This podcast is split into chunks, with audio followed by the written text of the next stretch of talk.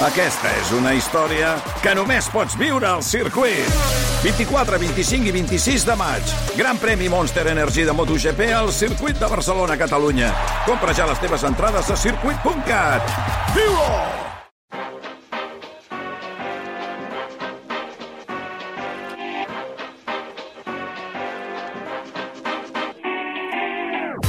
Si ahir vam mirar pel·lícules a casa, avui mirarem sèrie televisiva. Joan Maria Morros, bon dia. Bon dia, i a casa també. A casa, exacte. Sí, senyor. I ja et vaig comentar que eh, és la producció de televisió més cara que hi ha hagut mai a la història de la televisió francesa. Està filming, són 12 capítols i ara són 6 els que podem veure i el mes que ve s'estaran els altres eh, 6. I al principi és el que dura aquesta temporada. Um, I no només és això, eh, de la producció més cara que mai a la televisió, sinó que hi ha molts noms aquí que, diguem que permeten veure la importància d'aquesta sèrie. Per exemple, Xavier Janoli, que va guanyar el César l'any 2021 per les il·lusions perdudes, i entre els intèrprets hi ha, per exemple, Vincent Lindon, hi ha la Olga Kilenko i el Nils uh, Schneider. El que fa és explicar una història real. Ens anem d'anar a l'any 2005, quan la uh, Unió Europea va implementar l'impost sobre el carboni. Aquesta és la premissa de la que parteix la sèrie d'Argent et de Sang. 1000 milliards de dollars. C'est le volume annuel d'argent sale intégré dans l'économie mondiale. Ce qu'il faut savoir, c'est que désormais les délinquants ont compris qu'il était plus facile d'agir sur les marchés financiers que de braquer une banque. I el que tenim és això. Què passa? No, que ha fet un crit. M'he espantat. No, no. Um, és això, és a dir, estem situats en aquests moments quan la Comissió Europea estableix aquest impost sobre el carboni perquè era uh, una de les uh, maneres de lluitar contra el canvi climàtic. Però el que passa, uh, ràpidament, això ens en recordarem, perquè de fet ho havíem explicat, ho havíem llegit, que és aquella mena de uh, història que van agafar les empreses com que uh, si pagues pots contaminar Clar. que no vindria a ser el cas, oi? Com s'ha anat demostrant amb aquesta, amb aquesta història.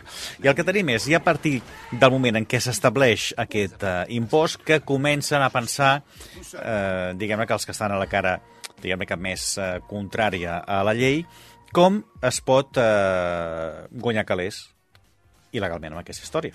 I aquí tenim dos estafadors de Belleville que, a més a més, es posen en contacte amb un eh, de les persones més adinerades de França, que està molt eh, lligat i que té molta, molta afició, diguem-ne, a jugar al pòquer, que el que volen és eh, anar estafant tots aquests calés a través de l'impost i fent diferents passes, quedar-te'ls tu. Què et sembla? Veus? Mira, no, no, sempre hi ha algú que és més viu que ningú. Ah, sí, així està. És a dir, sí. surt d'aquesta llei i de seguida hi ha algú que, aquests els que siguin, eh, que ja pensa com pots, diguem-ne, que donar la volta perquè tot això vagi a parar a la teva butxaca i, diguem-ne, que ho estiguis infringint tot.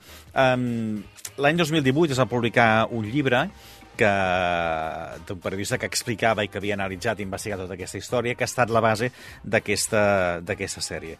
La veritat és que està molt bé.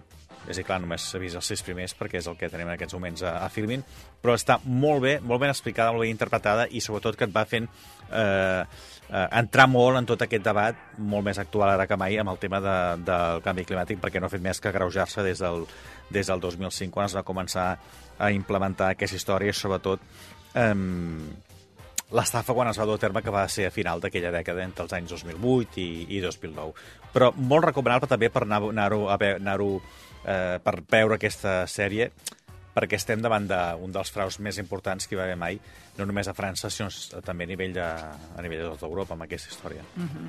Què et sembla? Que em sembla bé una sèrie, com a mínim, un contingut mm, prou interessant, no? Sí, i que et, et, més enllà d'anar veient i tota la trama i tot el... que deu estar tot ben el, com... Sí, sí, sí, no, està molt bé. La història deu tenir una certa... No, està molt bé. És a dir, no, no, no, és, uh, no han malgastat els calés de la producció d'aquesta... Home, per ser la més cara, no els, de, no els haurien d'haver sí, malgastat, però... però ja saps que a vegades això... Mirarem a veure si són o no són aquests eh, diners en aquesta sèrie, Està, no? Ho estan, ho estan, ho estan. De sèrie són, no? Fes-me cas, fes-me cas. Està molt bé.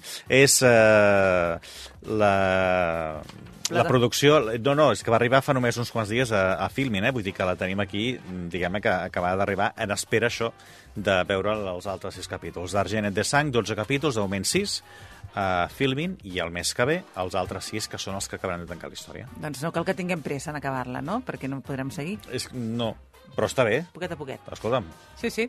Uh, Joan Maria, moltíssimes gràcies. fins la setmana que ve. Adéu-siau. Adéu.